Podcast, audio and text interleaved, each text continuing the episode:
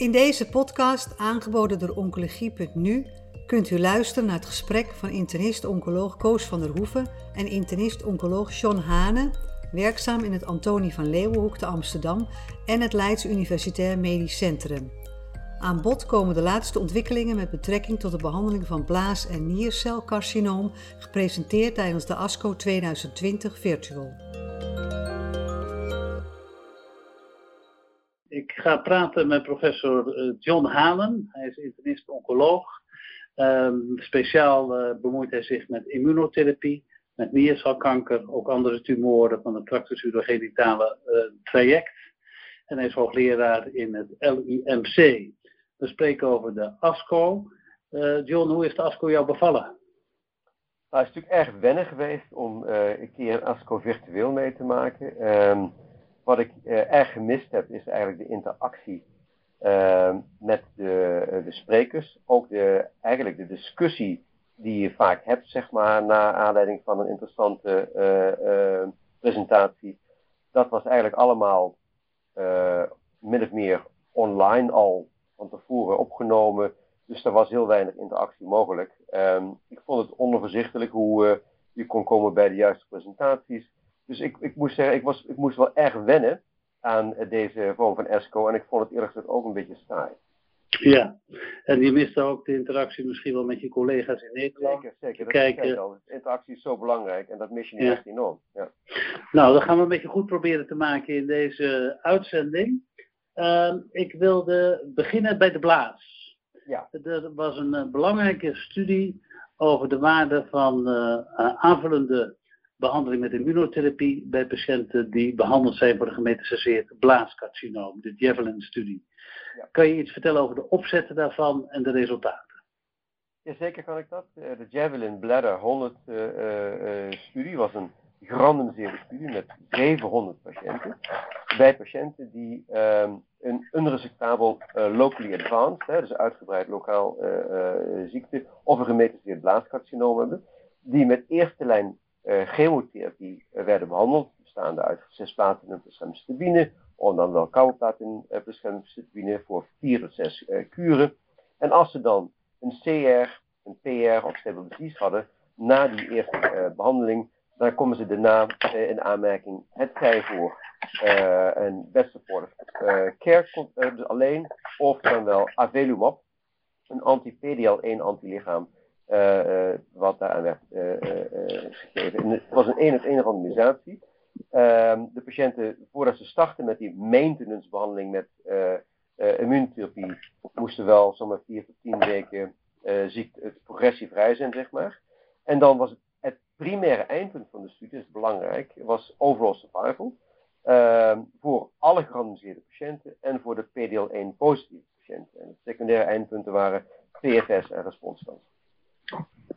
Dus een interessante studie. Uh, uh, dit soort uh, studies zijn er natuurlijk nog niet veel eerder gedaan. Je hebt bij, bij de, bij de, heb je de Pacific trial gehad, stadium 3, waarbij chemoradiatie al niet gevolgd werd door een, een placebo, dan wel een maintenance behandeling met durvalumab.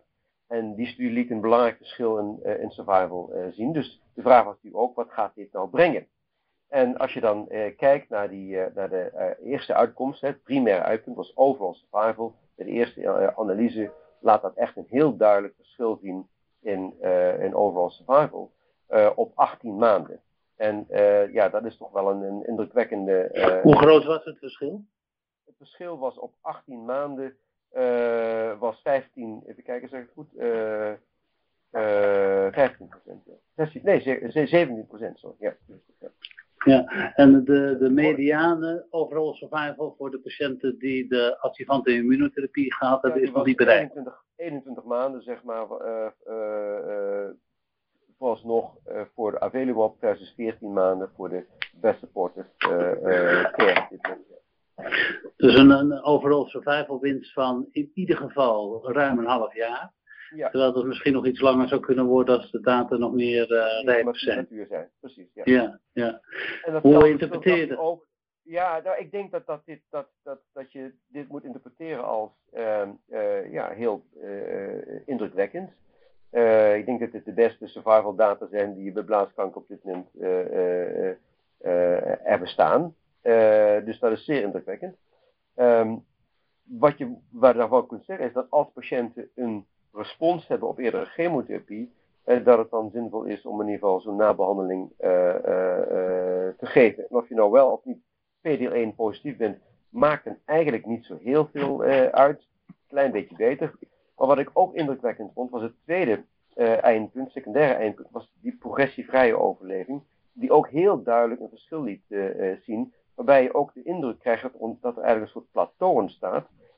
Bij zo'n ja, 30, 40 procent van de, van de patiënten. En uh, dat zou kunnen betekenen dat patiënten langdurig geen tweede lijns behandeling nodig hebben. Dat je dus echt misschien wel uh, patiënten langdurig uh, na eerdere chemotherapie in ziektevrij kunt of progressievrij kunt houden. Het was, een, het was een fase 3 studie. Het, het, totale aantal patiënten was robuust. Wat moet er nog meer gebeuren om dit een, een officiële plek te geven in de behandeling? Nou, ik weet niet of er nou zoveel meer nodig is om dat uh, uh, te doen. Uh, je kunt je afvragen, zou het hebben uitgemaakt als je de patiënten op een later tijdstip zou hebben behandeld? Zou de overleving anders geweest zijn als je zeg maar een, een break had geïntroduceerd in de behandeling uh, en op een later moment pas de checkpoint remmers zou hebben uh, gegeven. Weet je dat de behandeling voor checkpoint, met de checkpoint remmers uh, een plaats heeft bij blaascarcinoom. maar de vraag is of je dan toch niet te veel patiënten gaat verliezen. dus dat, dat zou nog het ene kunnen zijn waar je zegt van nou, moet je het nu al gelijk geven of kun je eventueel ook nog wachten en rescue je toch niet een deel van de patiënten met die latere behandeling? Waarschijnlijk wel, maar ik, ik, denk toch dat, dat deze survival data wel erg indrukwekkend zijn. Dus ik vraag me af of je heel veel meer nodig hebt. Als de patiënten zich bij je melden met een, uh, een goede respons op chemotherapie en die een onderhoud met immunotherapie willen krijgen, is dat mogelijk? Op dit moment nog niet. Ik denk dat dit eerst toch door, de, door, een aantal commissies heen moet. Er moet natuurlijk ook nog registratie voor worden verkregen, denk ik, voor deze specifieke indicatie. Maar uh, in principe denk ik dat het wel uh, zeker de, de moeite waard is om dat zo snel al te geven. Oké, nou dat biedt hoop voor de toekomst.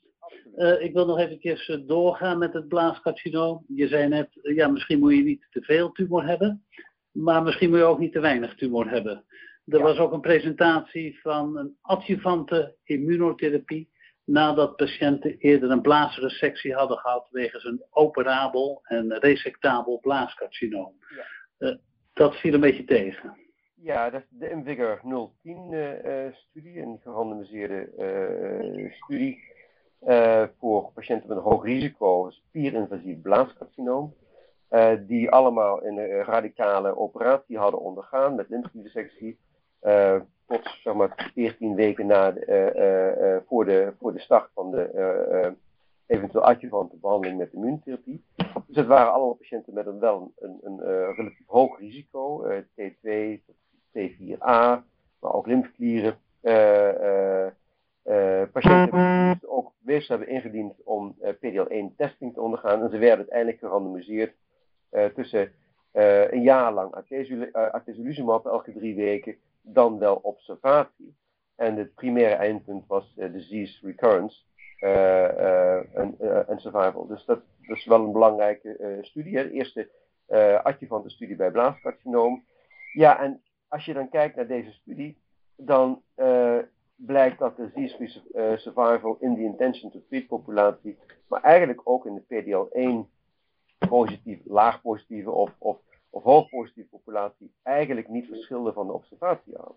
Dus deze studie is negatief, laat eigenlijk geen verschil tussen die groepen zien. En uh, ja, dat valt toch een beetje tegen. Daarvan had iedereen gedacht van, ja, dit gaat toch, uh, zeker met ook die maintenance data die we net hebben gezien, dit zou toch eigenlijk een positieve studie moeten, moeten zijn. En dat blijkt het dan niet te zien zijn. En dan is de vraag, waarom is dat dan zo? Ja, dat is denk ik iets wat we niet zo goed... Zou dat te kunnen maken hebben met het feit dat er toch nog fragmenten tumor ergens aanwezig moeten zijn om immunotherapie in werking te stellen? Nou ja, dat is een van de, een van de mogelijke oorzaken van het feit dat adjuvante therapie niet werkt. Hè. We hebben natuurlijk wat meer ervaring bij patiënten met een uitgezaaid melanoom, waarbij we wel zien dat adjuvante therapie werkt, waarbij het toch lijkt alsof als je de, de immuuntherapie voor de operatie geeft, dat het dan mogelijk beter werkt dan dat je het na de operatie geeft. En dus mogelijk heb je nog actief tumorweefsel nodig.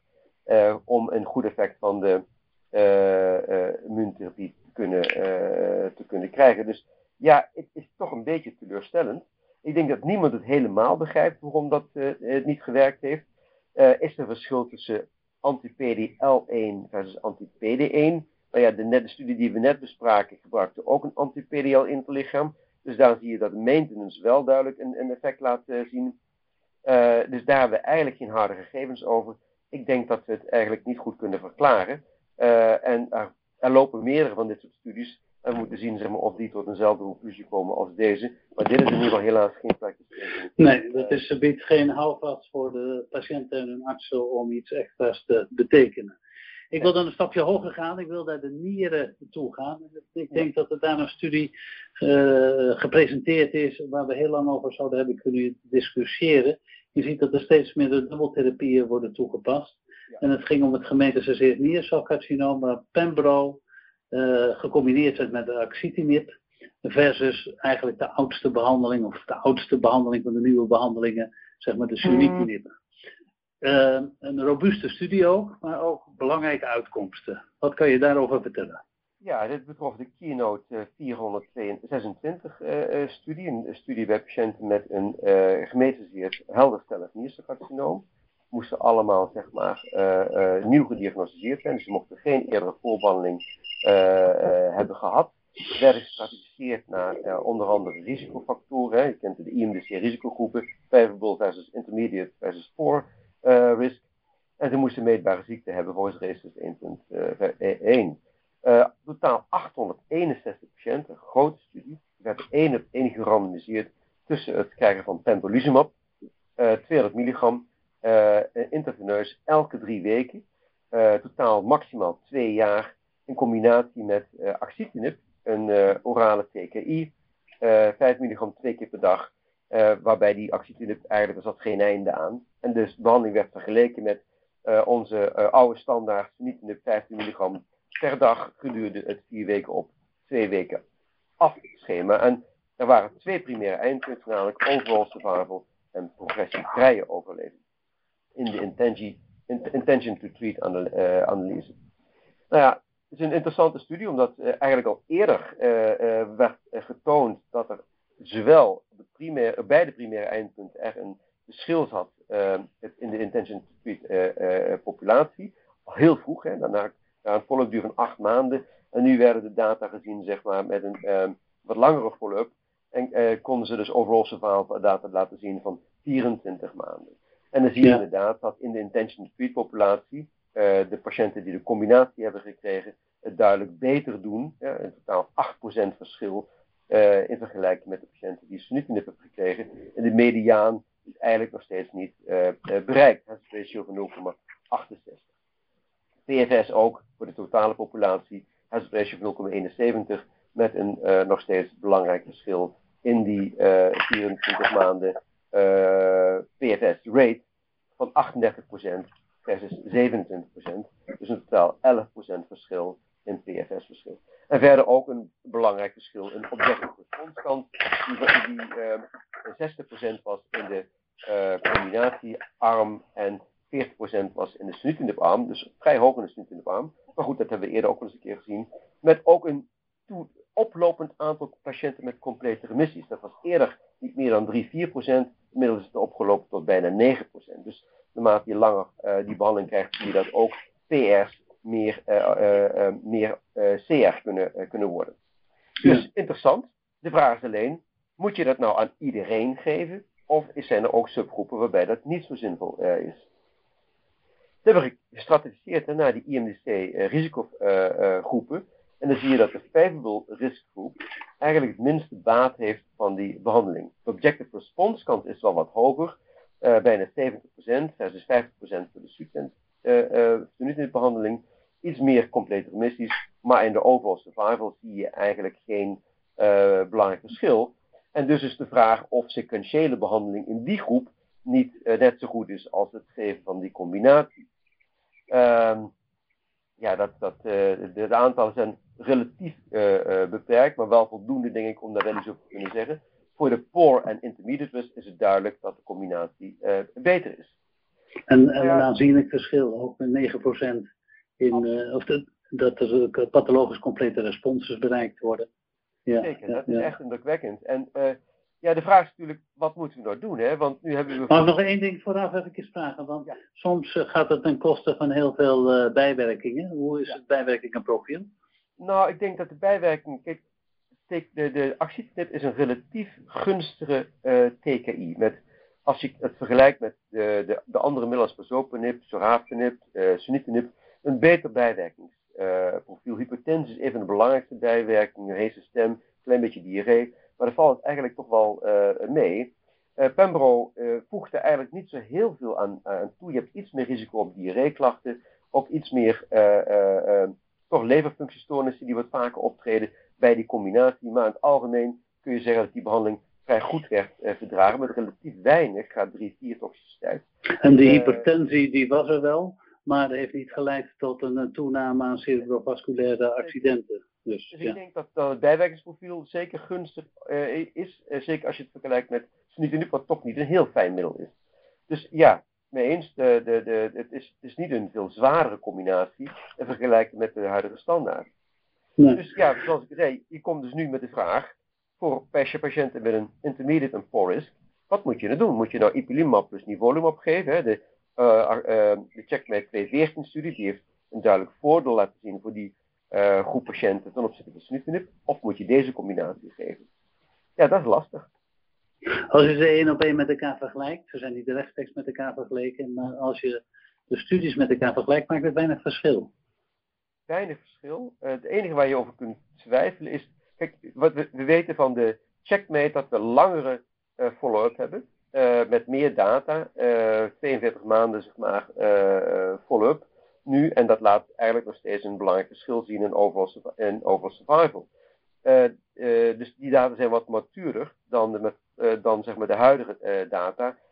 Wat ik ook niet weet is of in deze populatie er ook een plateau gaat ontstaan. Ook een belangrijke vraag denk ik, want als dat gaat, wel gaat gebeuren, dan, ja, dan moeten we kijken waar die plateaus uitkomen. Uh, uh, en uh, ja, dus, dus de vraag is nog even. Dat zijn indrukwekkende, indrukwekkende uitslagen. Alleen de follow-up is misschien nog ietsje pietje aan de korte kant. Het is een therapie, een dubbeltherapie die goed verdragen wordt. Dus die zeker hoop voor de toekomst biedt. Maar ik weet niet of het nu al 1, 2, 3 kan worden ingezet. Zou het kunnen? Dus als je het wil. Uh, nee, op dit moment, volgens mij is er, er, uh, is er wel een uitspraak van de commissie BOM die positief is, maar de vraag of het al vergoed wordt. Dat weet ik niet 100%. Ja. Dat is nog een, een, punt. Nou, in ieder geval belangrijk dat er ook dubbeltherapie gegeven kan worden. ik wilde overstappen naar alleen maar immunotherapie bij het niercelcarcinoom. Daar hebben we het al even over gehad, dat je dubbeltherapie kan geven met uh, ipilimumab en uh, nivolumab. Maar je kan ook met uh, alleen anti-PD1 beginnen.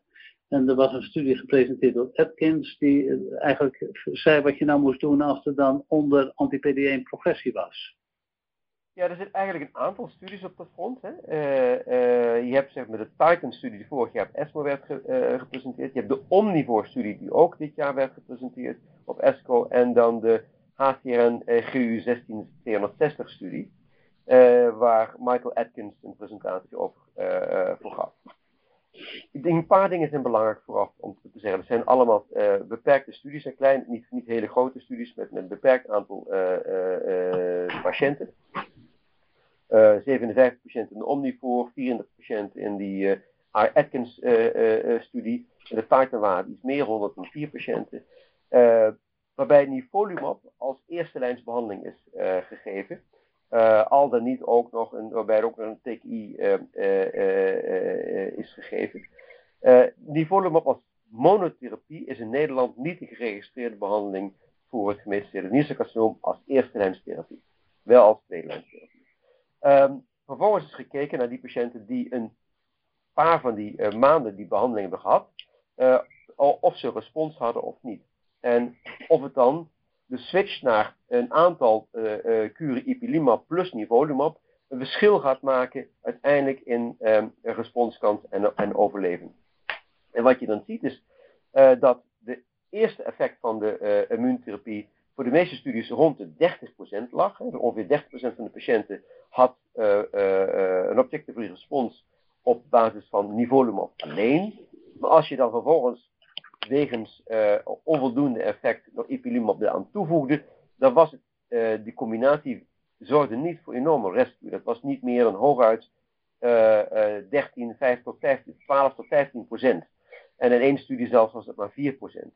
Dus de vraag is of dat nou echt een hele uh, uh, grote bijdrage gaat leveren. Of er dus heel veel extra te verwachten is van toevoeging van ipilimumab uh, aan de nivolumab in die setting.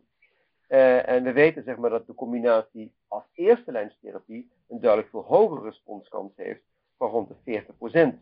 Um, we hebben uh, onvol, dat is natuurlijk nooit vergelijken met monotherapie, nivolumab of pembrolizumab alleen. Maar als het zo rond de 30 uh, uh, procent zit, ja, dan is die 40 procent toch nog steeds een stukje uh, beter. Dus ik weet niet zeker of het, het, de moeite waard is om patiënten te rescuen ten koste van veel toxiciteit met het toevoegen van ipilimumab. Omdat het maar bij een klein deel van de patiënten echt leidt tot een verbetering. En in de groep die, die zeg maar progressief was op de nivolumab, daar kon ook dan nog ipilimumab gegeven worden en dat nivolumab gecontinueerd werd. En dat is eigenlijk iets wat we in de oncologie meestal niet deden. Als je progressief was op een bepaald middel, dan stopte je dat. Dat is met de HER2 positieve tumoren is dat wat veranderd. Dan ga je ook door met trastuzumab, maar je combineert het met wat anders. Dat is eigenlijk hier ook gedaan. Dat is hier ook gedaan, ja. En uh, je moet niet vergeten dat die middelen hebben een extreem lange houdbaarheid. Dus ook al zou je die niveau nog gestopt hebben, je zou gestart hebben met ipilimumab, geeft het natuurlijk nog steeds eigenlijk combinatiebehandelingen. Dus dat is, uh, het feit dat het doorgeven is, voegt daar een klein beetje wat aan toe, maar die denk ik niet eens zo heel erg veel. Is het nou, uh, is het nou allemaal makkelijker geworden of is het eigenlijk ingewikkelder geworden met het nierselcarcinoom? Ik denk dat het veel ingewikkelder geworden is. Uh, we hebben natuurlijk, kijk, een voordeel is, we hebben wat te kiezen. Dat hadden we vroeger natuurlijk niet.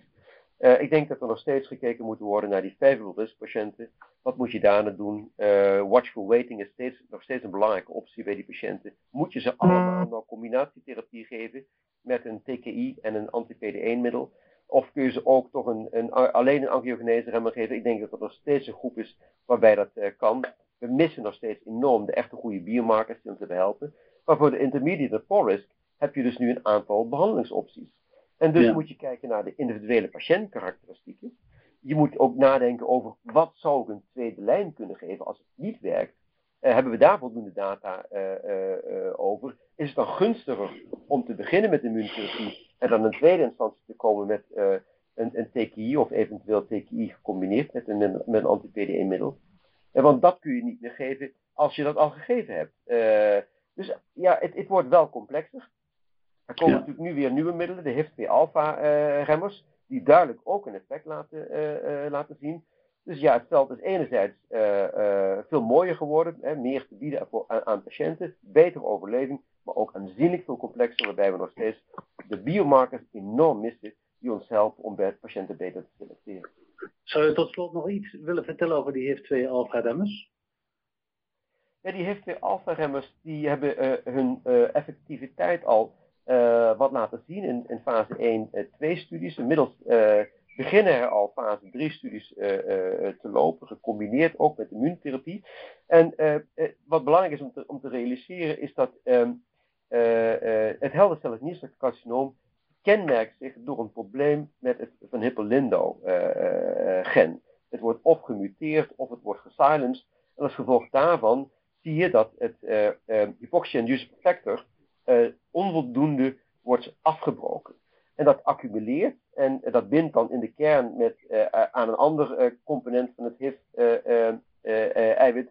en dat vervolgens, zeg maar, vormt dat een transcriptiefactor die een aantal downstream targets aanzet. Waaronder angiogenese remming, angiogenese vorming. Ja. En door een remming te geven van dat HIF2-alpha, wat dus verhoogt, zeg maar, bij die patiënten die allemaal zo'n kleercelcarcinoom hebben, uh, heb je dus nu een nieuwe methode om uh, specifiek kankercel aan te pakken. Dus op een andere manier dan de VEGF-receptorblokkers, die eigenlijk downstream van de tumor de, downstream effecten daarvan blokkeren, zie, heb je dus nu een middel wat direct de tumor ook aanpakt. En ja, dat is duidelijk effectief. Uh, we moeten natuurlijk nog zien welke plaats het precies gaat innemen. Maar het middel wordt vrij goed verdragen, waarbij vooral anemie de grootste probleem lijkt te zijn. Met, en ook wat kortademigheidsklachten kunnen ontstaan. Maar in het algemeen worden de middelen goed verdragen. En ik ben heel benieuwd hoe ze zich gaan positioneren in dit toch al vrij volle veld. Ja. ja. Nou, dat belooft veel voor de toekomst. Nou, we, we, hebben niet eh, de gelegenheid gehad het in Chicago te bespreken, maar er is wel veel stof om te bespreken. Ik wil je graag danken voor je uiteenzetting en wellicht tot de volgende keer. Dankjewel Koos, graag tot de volgende keer. Bent u geïnteresseerd in meer podcasts? Deze zijn te vinden op de website oncologie.nu.